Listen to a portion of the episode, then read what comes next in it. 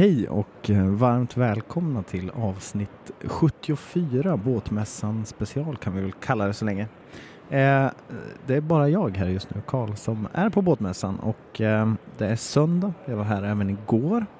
Vi kommer att höra mycket ifrån gårdagen under avsnittet. Men jag tänkte bara säga hej till alla först och eh, just nu sitter jag i eh, eh, Nordic Marines monter. De har både ja, deltabåtar där som är bakom mig här. Sen har jag varit inne i en del motorbåtar just nu. ja, gått runt här någon timme och kikat i, i motorbåtar för att jämföra lite grann, kolla priser och allt ifrån en halvmiljonsklassen till eh, mångmiljonsklassen. Och det finns en sak jag stör mig på lite grann. Och även, jag håller ju Beneteau väldigt varmt om hjärtat efter jag har, eftersom jag har en Oceanis 411 segelbåt dock. Men jag har varit inne i några motorbåtar här. Och även inte bara i dem utan i andra eh, där det är eh, hyttbåtar. Så väljer man att ha eh, takluckan i mitten på taket liksom. Alltså inte rakt ovanför den som styr och det är någonting jag jag stör mig ordentligt på för jag tänker mig att när jag står där, jag vill kunna stå upp, ha huvudet utanför. Men eh, jag vet inte vad alla andra tycker så vi ska väl ta och diskutera det här lite grann. Jag ska ta och vandra vidare, jag ska göra en intervju med eh, She Captain här nu. Vi får väl se om de kommer med i det här avsnittet ni kommer att lyssna på nu eller om det kommer senare i ett eget avsnitt. Eh, men det är många intervjuer på gång och, och eh, jag tycker vi, vi kör igång.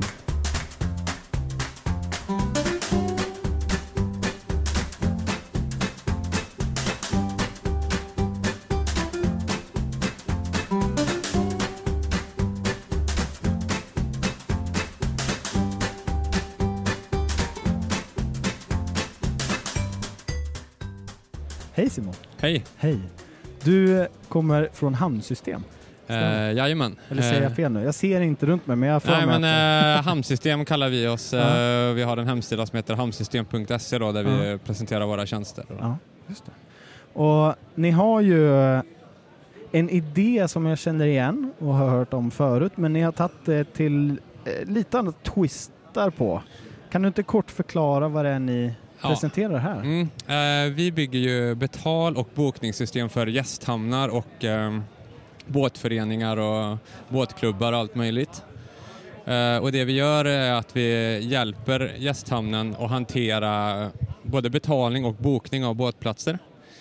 Eh, vi har utvecklat ett system med lampor på bryggan som lyser rött och grönt. Istället för att hålla på och vända en röd och grön skylt Mm.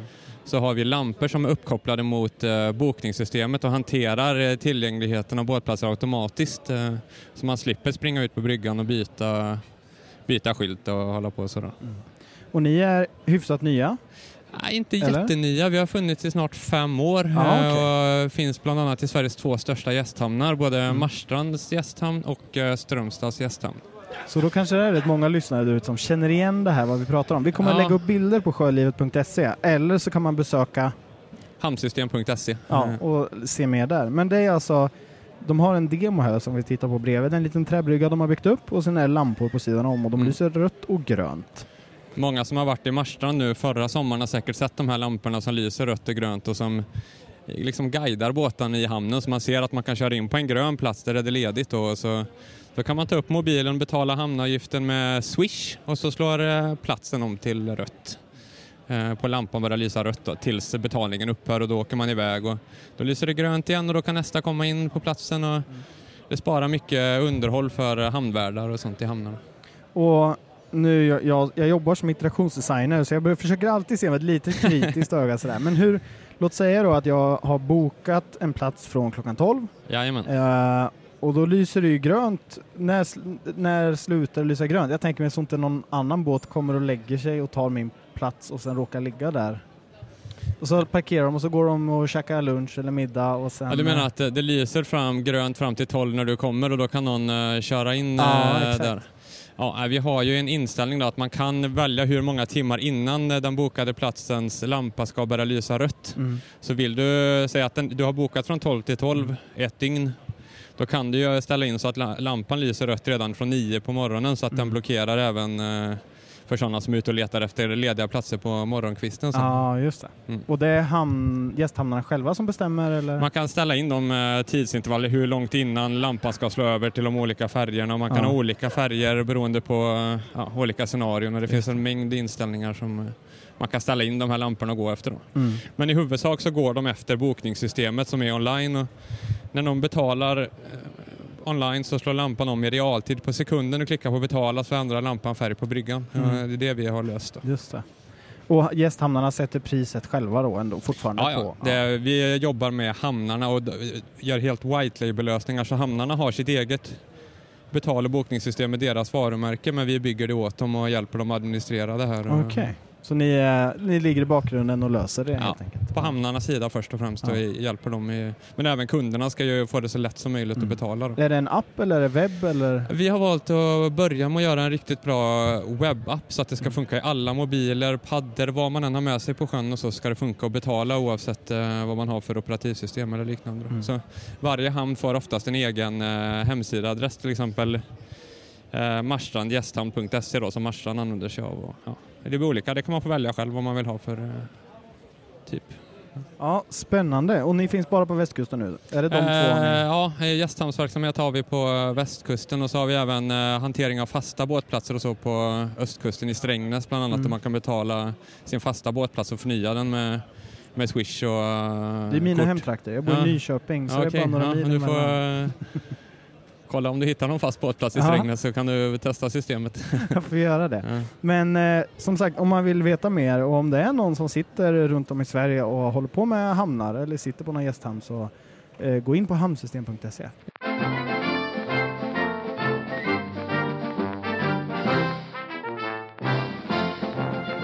Hej Stefan. Hej. Vi, eh, vi kan ju börja med, vi ska prata om flera grejer, men just nu sitter vi här i Knaper Marin. Yes. Eh, montern, där det är begagnade monter, båtar. begagnat, Ja. Ju flera begagnat montrar. Ja, vi har en monter med, eh, där vi säljer begagnade båtar eh, på skylt. Där vi visar upp och sen har vi två båtar med oss idag som är helt nytt för båtmässan nu. Att de kör begagnat båtar som är med. För att visa upp för. Hur kommer det sig att man tar det steget? Jag har faktiskt ingen aning om jag ska vara ärlig. För att jag har ju kommit tillbaka, jag jobbar ju på Mallis egentligen då som vanligt. Jag har ju kommit hit lite extra och jobbar nu. Men varför de har tagit detta steget det jag inte, kan jag inte svara på. Men jag tycker det är ett jävla bra steg de har gjort. Det är din far som är Bosse Knape. Yes, Ja. det stämmer. Så du har varit i branschen länge. Jag hade inget val kan vi säga. Jag blev, jag blev indragen, det var inte så mycket att köta om. Jag, jag försökte prata med Bosse förut lite, för han har ju varit med, han har ju sett båtlivets förändring över tid. Han Eh, byggde sin första Jolly Scott när han var sex år gammal. Och byggde och sin egen Jolly Vilket Scott. årtionde pratar vi då? Eh, Han är 70 idag så det eh, kan du ju dra några år tillbaka. Då byggde han sin första Jolly Scott och sen började han tävlingssegla. 72 så tog han OS-silver Ja. i Kiel. Och sen har det bara gått vidare och så startade han Knape Marin för 42 år sedan tror jag. Ja. Han startade. Han har varit med ett tag. Han har varit med väldigt länge. han vet vad han pratar om. Ja, spännande. Han, vi, vi kan, han tror det, ibland så vet han, ibland vet han inte. Men ja, båtar, vet han vad han pratar om. Ja. Det kan man säga. Så länge man låtsas att man vet. Och framförallt segelbåtar. Han Ja. är ju segelfantast. Ja. Jämfört med många som finns idag så är det ju motorbåtar, motorbåtar, motorbåtar. Och det ser man ju här på mässan. Ja, Det är ju, vad är det, sex eh, begagnade segelbåtar sex och en ny. begagnade och en nya. Jag tror att vi har väl, segelbåtarna är väl 4% av båtmässans båtar eller något ungefär. Så Ja. Det är extremt många motorbåtar. Och små. och det har, de tar över mer och mer. Men det har ju också, tror jag, att eh, passionen för att segla, det ligger mycket förr i tiden. Mm. Hur man seglade, det, var, det fanns inte motorbåtar på samma sätt. Idag så bor också fler folk på öarna. Mm. Det är en, motorbåt är ett transportsätt, segelbåt är en passion. Ja, Jag så tror är det ligger det. Så är det. Seglar du själv? Ja. Jag seglar själv. Jag är ingen, eh, absolut ingen eh, tävlingsseglare. Jag var med i LSS eh, seglarklubb när jag var liten. Mm. Och seglade optimist och jag har även seglat eh, 470 men jag gillar passionen i seglingen, inte racingen med seglingen. så kan man säga. okej, okej. Så ska jag ut på semester så tar jag gärna segelbåt själv. Ja. Så. Men om vi lämnar mässan då till någonting jag tycker är väldigt spännande att höra om. Du sa ju lite kort här i början att du hade varit i Mallis, det är där du jobbar. Vad gör du där? Jag flyttade till Mallis 2012. Och eh, hade inga planer egentligen, visste inte vad jag skulle göra. Utan med min dåvarande flickvän eh, så bestämde vi oss på en månad att eh, nej, ska vi dra till Mallis istället? för hennes mamma bod, eh, bodde där nere. Mm. Så vi åkte ner, hade inga planer. Eh, en månad in i Mallis så tog jag en eh, Yachtmaster heter det. Och då får du lov att köra båtar upp till 200 bruttoton. Och det kan du flytta över till ungefär 30-35 meter kan man lägga det till. Det är som en klass 8 typ, eller? Nej, eh, de ligger högre. Okej. Eh, jag vet exakt inte var de ligger där hemma, men vi har ju begränsningar på alla våra då. Mm. Så att, eh, första är upp till 200 ton, sen är det eh, 500 bruttoton och sen är det 3000 bruttoton Mm. och över. Eh, och jag har börjat med min 200 Mm. och tog den. Två veckor efter det sen så kom jag in och blev kapten på min första båt, Mm. lyxbåt. Och körde en sommar på Ibiza, Mm. vilket är ett annat liv. Ja. Och det här var 2012. Det var 2012 ja, helt Och rätt. sen har du sen dess jobbat som kapten på lyxyachts. Yes.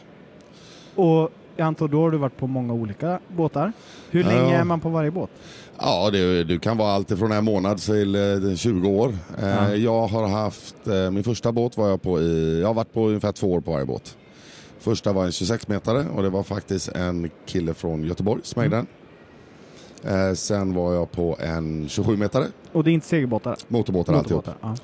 Eh, sen var jag på en 27-metare och sen eh, fick jag möjligheten att gå upp en, eh, en 28-metare helt ny som jag hämtade från San Lorenzo. Mm. Och eh, ett italienskt varv som ligger i Viareggio. Eh, La Spezia och Viareggio har. Mm. Och det är lite fräckt. Mm. Men då jobbar du året runt på den båten? Ja. Och, Och men hu- hur många veckor är ägaren på båten? Denna ägaren var på väldigt mycket. Ja. Hon bodde ombord på båten i drygt sex månader per år. Mm. Och det var ett sommarhus lite mer för henne.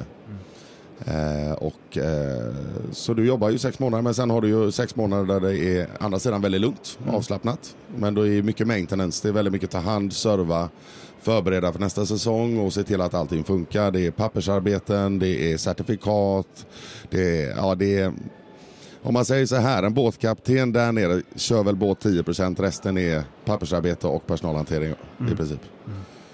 Men hur ser en vanlig dag ut som kapten på en sån lyxbåt? En vanlig dag. Eh, jag hade fördelen kan jag säga för jag, båten låg i hamn jämt i princip så att jag kunde alltid åka hem. Mm. Så att eh, eh, många av kaptenerna de sover ju på båten och bor på båten och det gör de ja, tre till sex månader ungefär. Men jag åkte hem, jag började klockan åtta på morgonen och åkte ner och då är det presentera sig för madame och det får jag aldrig säga förnamn, det är alltid madame eller vad de heter då i efternamn. Eh, du är med dem, kollar så att allt är okej och bra med dem och eh, de äter frukost. Eh, kocken ombord lagar mat. Eh, du eh, planerar lite med dem sen under dagen, ser vad de vill göra, vart vi kan åka. Det är väldigt mycket, Medelhavet har ju en väder och vind som är väldigt speciellt. Så eh, gör du det, eller så som det händer ibland så får du ett meddelande. Nej, Stefan jag ska åka till Tyskland på möte, men jag är tillbaka klockan tre. För då hade, tog de privatjetet och flög hem på ett möte i en timme och sen kom hon tillbaka igen. Så att eh, vi kan, det, den ena dagen var aldrig den andra lik, så kan vi säga. Fördelen med hon var, hon var lite äldre den här damen och gjorde att jag, hon var ju lite mer planering. Mm. Så det var en fördel. Men eh, den ena dagen är aldrig den andra lik kan jag säga. Det skiljer sig ofantligt. Har du varit på någon eh, yngre då som också har haft fest? Alltså du vet, som man ser på film, så här riktiga lyxyachts och det är, eh, det är fest. Hade ni sett det här nu så hade ni sett mitt leende kan vi säga till de som lyssnar då. ja, jag hade en sån ägare. Ja. Eh, det var fest 24-7 Mm. kan vi säga. Det, historierna jag hade kunnat berätta. Det kan vi göra när micken är av. Ja. Men det är, och det är, det är ju fester en sån nivå så att det är, det, det, Ja. är, alltså det är, bränna 300 000 på en kväll, det är inga konstigheter. Nej. Så det är som att köpa godis. Ja, ungefär. Alltså det är, Hemmakväll. Ja, och film. festen och det ska flygas in eh, saxofonist, det ska flygas in en violinist som ska vara med och spela och det ska vara... Ja, det är... Det, Ja. ena dagen kan det... Nej, jag vill ha en cello ombord imorgon, löser du det? Ser de det till dig då? Ja. Så du, du har alltså inte bara ansvar då för båten utan du är även liksom, du Ja, var ja. lite festplanerare också. Du är ansvarig för deras liv när de är ombord på båten. Det de vill göra, det ska du se till att låna. Så att Ja. du kan få, ja alltså förfrågningar du får ibland, det är... Ja, ja, exempelvis fråga då, Stefan jag vill ha en cello ombord imorgon, kan du lösa det? Ja. Ja, ja visst, självklart gör jag det. Och sen vänder du dig och kliar och säger fasen ska jag få fram en cello. Får du liksom tillåtelse då att bara, "Äh, jag flyger den från Sverige, jag hittar ingen annan? Ja, de bryr sig inte om var den kommer. Ja. Så att, eh, men det löser man, har du rätt kontakter. Du måste ha extremt mycket kontakter, framförallt Ja. på Ibiza. Ja. Eh, för det hjälper inte att du är VIP på Ibiza, utan du måste vara trippel VIP för att få någonting gjort. Men med tanke på att jag har varit eh, mycket med charter där nere, Ja. fått mycket bra kontakter, så du kan lösa i princip allting. Ja. Det är dig man ska höra av sig till då. Åker du till Ibiza men du får pengar med den när du åker ner i sådana fall, för det är inte billigt kan jag säga. ja, kan En, eh, ska du ha en ordentlig fest på Ibiza så får du räkna med minimum 15 000 svenskar på en kväll minimum. Ja, För att du ska ha, för du kommer inte in annars. Nej okej. Utan eh, du måste ha ett bord, det är minimumbeställning 1500 euro. Mm. Eller som på Blue Marlin eh, som ligger, det är, varje söndag så är det alltid Blue Marlin som ligger i Cala Yondal på Ibiza. Och eh, där kostar billigaste bordet eh, 5000 euro. Och det är inte onormalt att du har en nota på 50 000 euro på en kväll. Det är dags att börja jobba. Känner jag. Ja, det, Kanske byta yrke. Ja, Det, det, är- det är så svårt att förklara för när man har levt det så blir det ändå, för mig är det en normal värld. Det är inte, att, det är inte jag som spenderar och gör men det är normalt för mig att se allt detta som händer. Men hur, eh, hur involverad får du, eller får du liksom vara med på festerna? Eller tar du ett steg Du, nej, tillbaka? du får frågan att vara ansvarig? med men eh, det går inte. Du måste säga nej. Mm.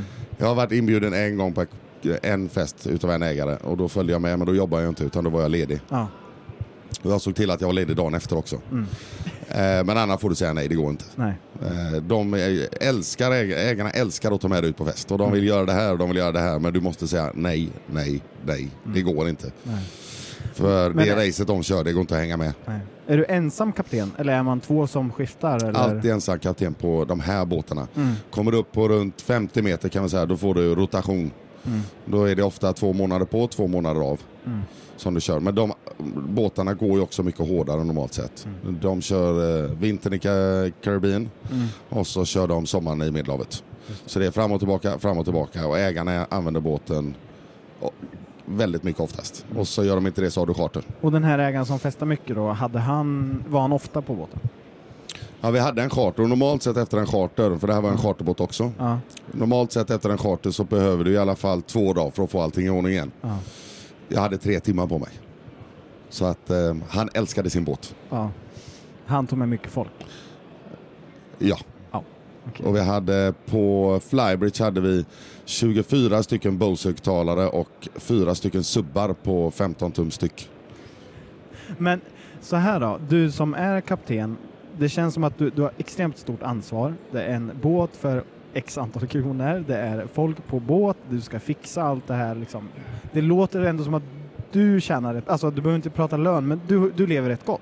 Eller? Är det Ja, bara vi, kan, alltså, en, vi kan säga så här. Eh, en normallön ligger på en båt som, om vi säger mellan 25-30 meter, Mm. så har du en lön som ligger alltid mellan 5 000 euro upp till 8 000 euro. Mm. Eh, går du upp emot 50 meter så ligger du på alltid mellan 10 till 20 000 euro. Mm. Och sen går det uppåt, uppåt, uppåt. Så att eh, är du på de riktigt stora båtarna så kan du tjäna en 3, 30 000 euro i månaden lätt Mm. på de riktigt stora. Ja, det. Eh, men det kommer ju ett ansvar till det också. Mm. Det kommer ett ansvar till det. det blir många timmar kan jag tänka mig. Väldigt många timmar. Ja. Har du charter så fördelen får du ju dricks också. Ja.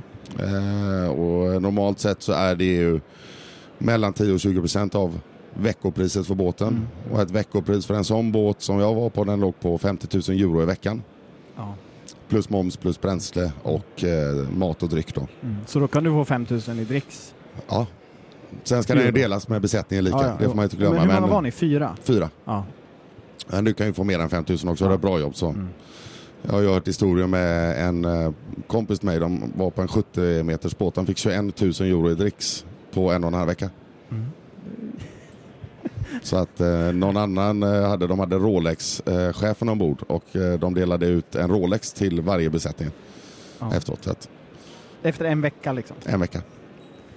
Ja, det är, jag, kanske, jag kanske ska byta bransch. Nej men om du, om så här då, till eh, sådana som eh, tycker liksom att det, det finns ju många som arbetar som skeppare på flera bolag som vi har här på mässan idag, på liksom 40-45 fots eh, båtar. Ja. Eh, vad ska man göra för att ta steget upp till att bli Eh, det enklaste du kan göra om man säger, eh, när jag kom ner till Mallorca, jag ska villigt erkänna, jag hade tur när jag kom till Mallorca. Eh, jag hade skaffat snabbt ganska bra kontakter. Och det var en svensk tjej som jobbar nere i Mallorca som jobbar på ett av crew placement-företagen. Eh, så jag kom in direkt som kapten. Men det första du måste göra eh, det är att du måste ha en STCV 95. Och det är en safety course som du tar. Och där har du bland annat med livflottefunktion, vad händer om du åker ombord, du ska göra en brandövning i den och lite annat sånt. Eh, sen behöver du en ENG1 och det är en medical som du får som visar att du är frisk. Du kan även ta den i Sverige faktiskt. Och då heter den sjömans eh, någonting. Men den går att ta på hos eh, svenska läkare också. Och den är godkänd där nere med. Eh, då kan du komma in i båtbranschen och börja som deckhand. Och som deckhand eh, kommer in så jobbar du med allting ute. Beroende på hur stor båten är, är det en riktigt stor båt så har du en specifik uppgift och det är bara det du gör. Så det spelar ingen roll om jag har varit kapten på en mindre båt i alla år, jag ska in som deckhand liksom. Ja, har du varit kapten på en 40-fotare det är väl en sak men det hjälper ju inte riktigt för att ska du sen upp i en 28-metare som jag var på det är så fruktansvärt mycket mer planering. Och eh, ägarna kräver så fruktansvärt mycket mer. Och det är ju som säger, det är inte bara att köra båten utan säger de Stefan jag vill ha ett vippbord där ikväll. Stefan jag vill gå på en restaurang ikväll, vart ska jag gå? Stefan jag vill ha eh, färsk eh, hummer utkörd dit ut. Eh, det är allt det. Så det är egentligen kapten som kapten, men det att säga, du är inte egentligen kapten utan du är fixare för deras liv. Du ska se till att ordna allt de vill ha. Och för att förtydliga för lite eh, lyssnare som kanske inte har koll då. Så- Alltså tänker de 40 fot är ungefär 12 meter ish. 28 meter är alltså betydligt större, både i längd, mer Jag än dubbelt så prismässigt sett så kan vi säga 40 fot är 2 miljoner, Ja, 28 meter är 100 miljoner. ja. Det är enormt mycket större. Mm. Eh, och då blir jag nyfiken direkt. Hur, om man är ute på sjön, det är li- lite halvdåligt väder, blåser lite grann och ni är fyra som ska lägga till. Hur gör ni? Hur går det till liksom? Ja, det, jag har lagt till det mycket, men du- nu ska man inte vara kaxig, men har du gjort det här ett par gånger så spelar det ingen roll om det blåser, utan du väljer vinden och får den till din, till din hjälp, så Mm. att säga. Eh, är det så att du inte kan så säger du nej och så tar du en annan plats. Mm. Men eh, normalt sett när vi lägger till så eh, det funkar ju på ett annat sätt än vad vi har här hemma. Du lägger ju alltid akten till. Eh, du använder antingen dina egna ankare som förtampar så att säga och lägger ut. Eller så eh, ligger det ground lines heter det och då har du en stor cementblock från, framför båtet och eh, det går tampa från bryggan hela vägen ut under vattnet då, och så lyfter du upp dem, får dem i fören och då tar däckanden emot. När det är klart så backar du sakta bak och då kommer däckanden och stuvaren och tar tamparna över. Mm. Och eh, ja, det går ganska smidigt. Det är bara att fändra om massa. Liksom. Ja, behöver händer du- hjälper Ja, ja. kan man säga. Har du varit med om något missöde? Nej, jag har faktiskt aldrig haft ett missöde. Jag har haft en gång när jag skulle instruera min däckhand hur man skulle göra. Mm. Och då hände ett missöde. Men jag har aldrig haft en eh, krock eller skada på åtta år. nej. Har du sett krock eller skada? Om jag har sett. Eh, alla kan inte köra båt så kan vi säga. Det finns söndagskaptener på Mallorca också. Det märker vi bara på våran Instagram. De videos vi lägger upp när folk tabbar sig får garanterat mest likes. Det, Definitivt. Nej, det är, man har sett mycket. Alltså, de har kommit in. Sen ska man villigt erkänna, det kan hända saker när du kör också. Det är, ja, men har du en 100 ton båt du ska få stopp på och eh, elreglagen slutar fungera så har du inte så mycket val, då smäller det. Mm. Och när det smäller så blir det stora skador. Mm. Det går fort. Mm. Men eh, det finns många som inte kan köra båt, så kan man säga. Mm. Eh, men inte på de här stora båtarna då, utan då är det mindre båt. Även på de stora? Jajamän. Okej. Eh, Det finns ett par roliga Youtube-videor att titta på också. Det finns en klassisk, det är en, jag tror båten är 60-70 meter, så kommer han in i Italien i någon hamn. Och eh, miss, missar lite och backar väl en fem knop in i bryggan. Och det är ett cementbrygga. Tvärstopp och då kan du räkna med att båten väger säkert 700 ton. Fem knop, 700 ton tvärstopp. Känns som det är mycket som spricker i den då. Ja, det känns som att kapten får väldigt mycket skit sen också tror jag. Och hur mycket då, om det nu, alltså vad säger, jag antar att ni har ju försäkringar och, och Ja. allt sånt där, så att liksom, vad, om det skulle ske någonting, är det försäkringen eller tar allt? Eller? Försäkringarna tar allt. Så länge du har allting ordnat och, Ja, och du skepparen har allt gjort. Det händer ja. Ja. Eh, Den första båten jag var på, där gick, eh, han körde upp på grund Mm. Han körde inte lite på grund han gick upp en hel sandbank. Mm. Eh, kaptenen innan mig. Det var ändå en sandbank. Blev Ja, det skad? så det blev inte så stora skador som tur var. Mm. Men ägaren säger till han innan, du, eh, det ser lite grunt ut här. Sköt du ditt jobb så sköter jag mitt, sa han. Fem minuter senare så gick han på grund. Hej då! Han satt på båten tror jag i två veckor till och sen så... Ja. så att, eh, Men, Men är det- det så att man är ute varje dag? Eller ligger man kvar i hamn ofta också? Normalt sett så går ju ut varje Mm. dag. Eh, givetvis så är det ditt jobb att se till att det är säkert. Mm. Är det inte säkert så säger du nej och det spelar ingen roll om ägaren säger att vi ska ut och då säger du nej. Mm. För åker du ut och framförallt om det, båten är då kommersiellt registrerad Mm. med charter eh, då är ju allt ditt fel. Det är du som har totalansvaret. Mm. Är du privat så kan du komma undan lite grann för det är lite skillnad i regler. Mm. Eh, men normalt sett jag så åker ut varje dag. Mm. Båten jag var på den sista, den var privat. Eh, ägaren var ju lite äldre. Hon vill ut också? Ja, hon ville ut men det var inte att vi, vi behövde inte åka ut varje dag utan hon kunde ta en biltur ena dagen. Hon hade ju en privat chaufför också Ja. som kom och hämtade henne så då tog hon en biltur. Och så åkte vi ut eh, varannan dag ungefär Ja. med båten.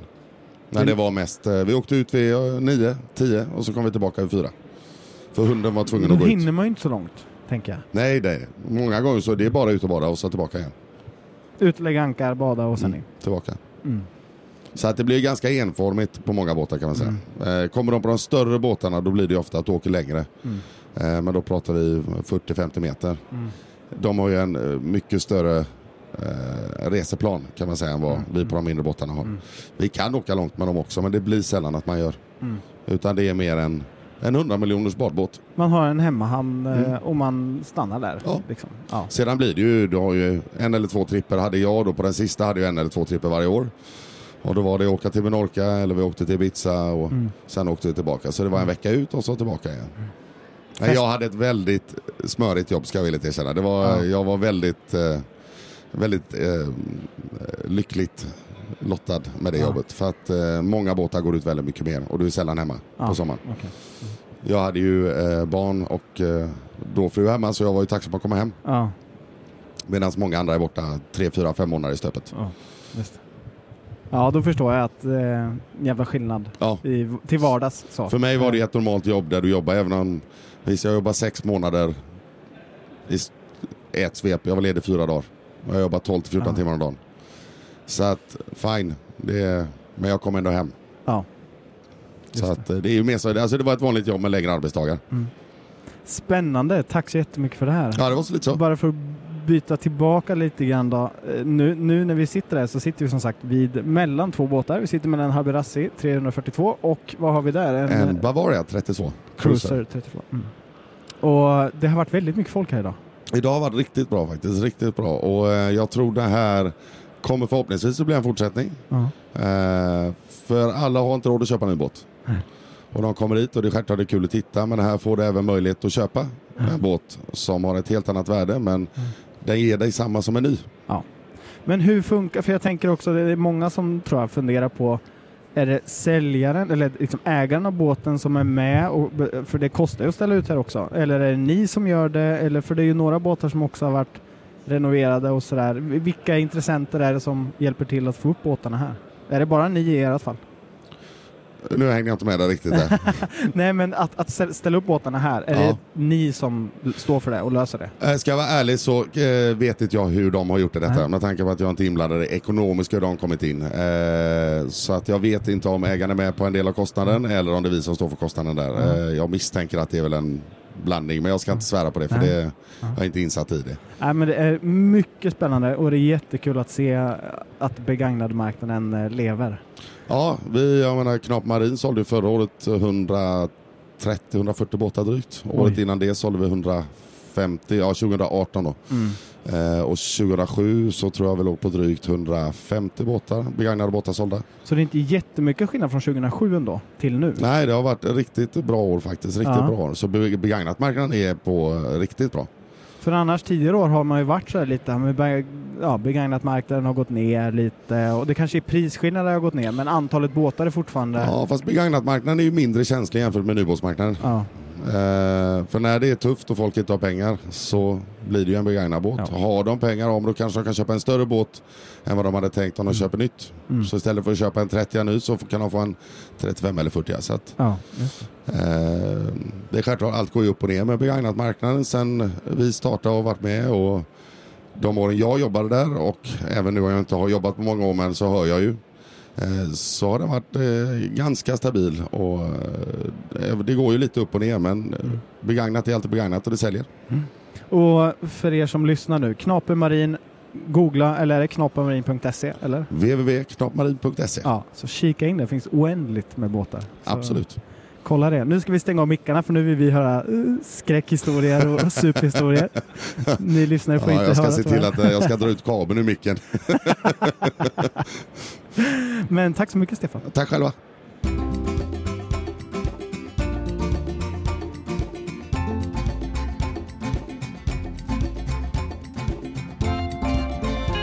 Hej Magnus. Hej, Hej. Nu sitter vi i Stranamonten här. det stämmer. Och vad är din roll? Jag är med i styrelsen i ett företag som heter Orust E-Boats.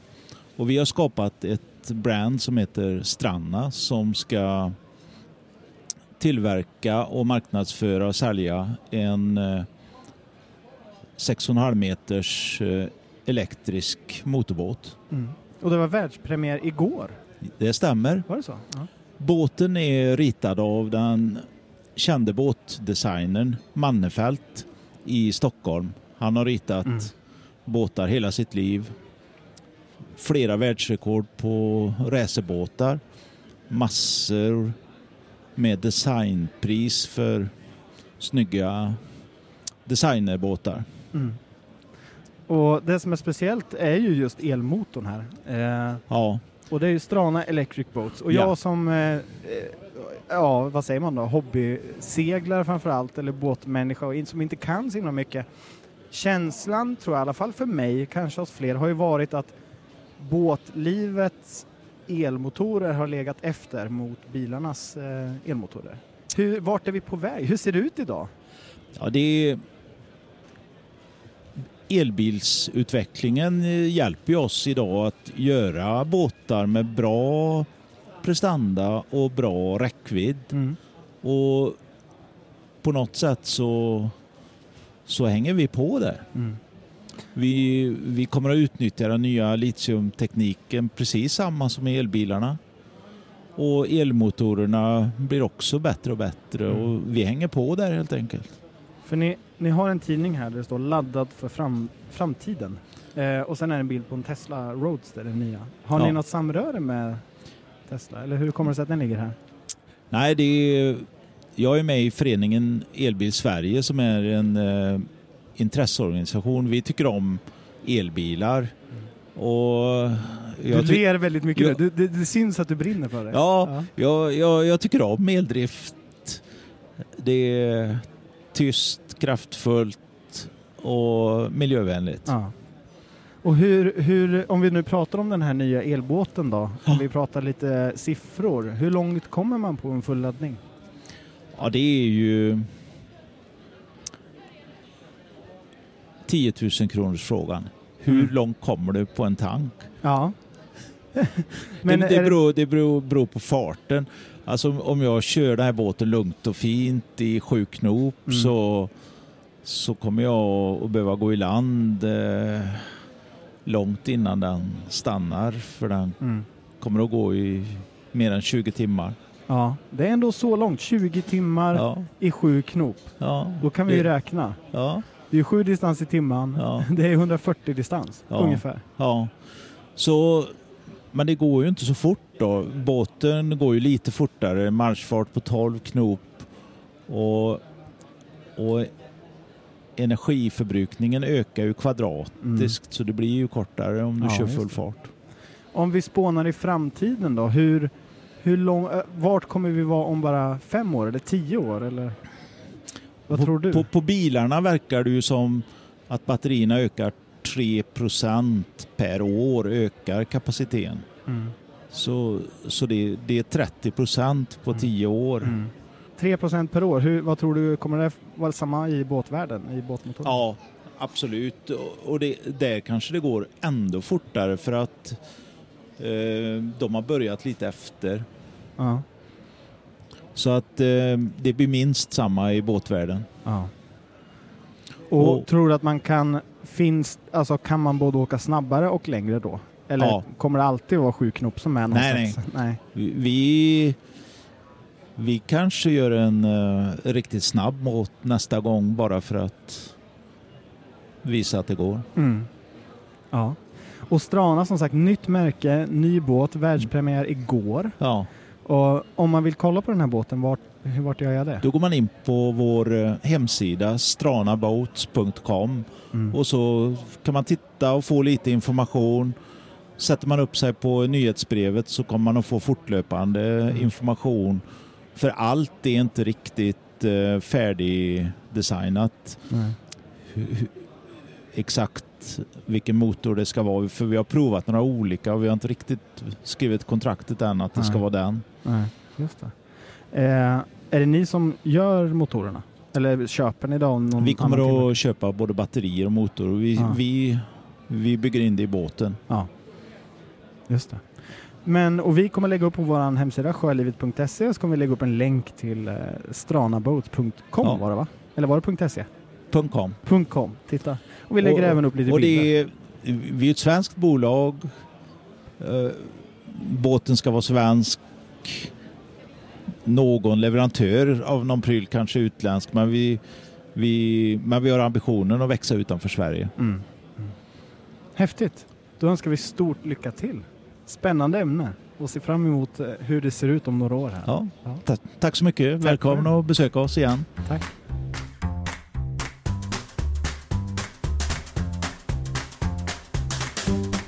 Hallå, och då var det äntligen då det här äh, fantastiska avsnittet från mässan och vi har nog lite mer som kommer släppas här efter. Men jag vill bara påminna er allihopa att vi har under den här säsong 4 tänkt att vi ska satsa väldigt mycket på våra patreons och även på de som hjälper oss så fantastiskt bra.